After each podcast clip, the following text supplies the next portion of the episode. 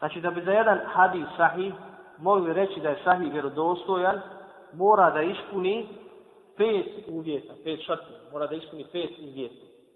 Da ne, da ne proturiječi drugim pouzdanijim predajama. To se na arabskom kaže da nije šar, da ne proturiječi drugim pouzdanijim predajama.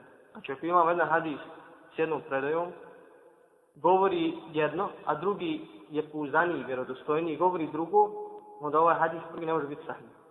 I kaže, i nema u sebi skrivenih mahana i nedostatak. To ćemo sve u, detalju gledati. Znači, sened mora biti spojen od početka do kraja. To je prvi uvjet. Sened, lanac, prenosilaca mora biti spojen od početka do kraja. To znači da, da, je, da je svaki ravija živio u isto vrijeme sa onim od kojih prenosi hadis. I da se s njim susreo i od njega hadis izravno čuo. To je uslov koji navodi Buharija. Znači Buharija uslovljava da, je, da se ravija susretni sa onim od koga prenosi hadis. Dok to nije uslov kod muslima. To smo jučer spomenuli.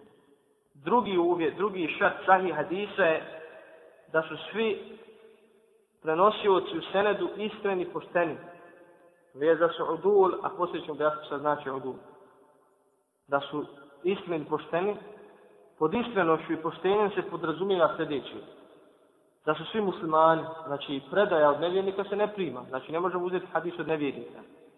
Da su svi punoljetni, znači ne možemo od djeteta uzeti hadis. Dijete može da sluša predavanje, ili može da čuje hadis, ali kada ne može da ga prenosi dok ne postane punoljetni.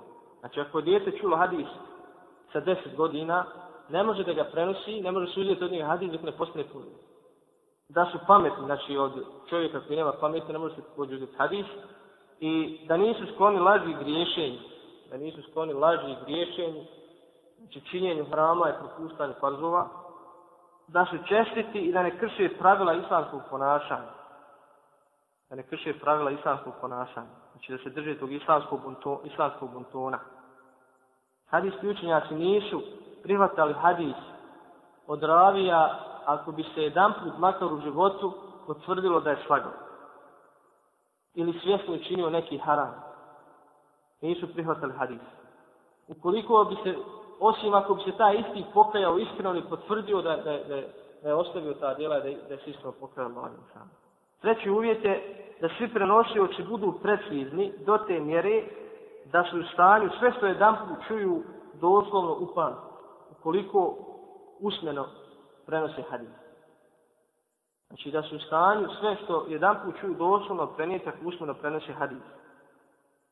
Tačno i bez grešaka zapisati, ako to čine pismenim putem, pisanim jeli, putem, ako zapisuju hadise, znači da tačno zapišu hadis kako je čuo. Znači imamo dvije vrste te preciznosti.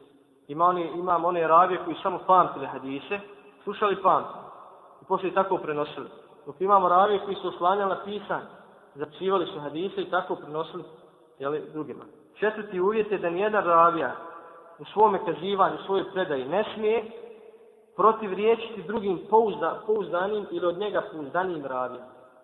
To smo malo prije spominjali, Znači, ako imamo dva hadisa, jedan govori jedno, a drugi sasvim drugo, a ovaj prvi hadis, njegov ravija je vjerodostojan, a nije vjerodostojan od drugog, onda ovaj prvi hadis ne može biti sahih.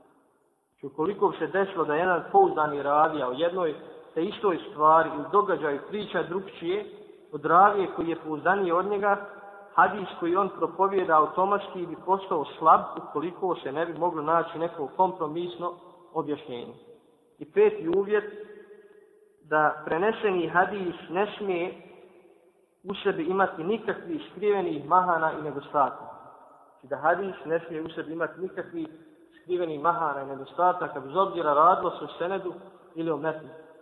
Jer dogodi se, na primjer, da hadis ispuni sve uvjete vjerodostojnog hadisa, međutim, nađe se u njemu, znači neki od stručnjaka hadisa i znanosti, nađe neku skrivenu mahanu, usred koga hadis postane slab.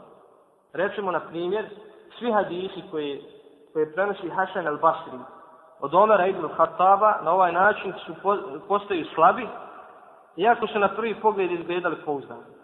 Kaže, učenjaci su otkrili, iako je Hasan vremenski dočekao Omera, znači dočekao je Omera, an, znači doživio Omera, da je on imao svega dvije godine kada je Omer umro. a dijete sa dvije godine nije u stanju upamtiti hadis. Što je ta skrivena mana koju su otkrili hadijski učenjaci. Znači, Hasan al-Basri je poznati, ili tabijin, generaciji za shaba, koji je dočekao Omera, međutim, u, o, Omer je umro kada Hasan al-Basri imao dvije godine, a nije moguće da dijete dvije godine zapamti hadis kada ga poslije prenesi. Znači, da je imao o, više godina da je zapamtio hadis, onda ga je mogao prenijeti kada, kada postane puno.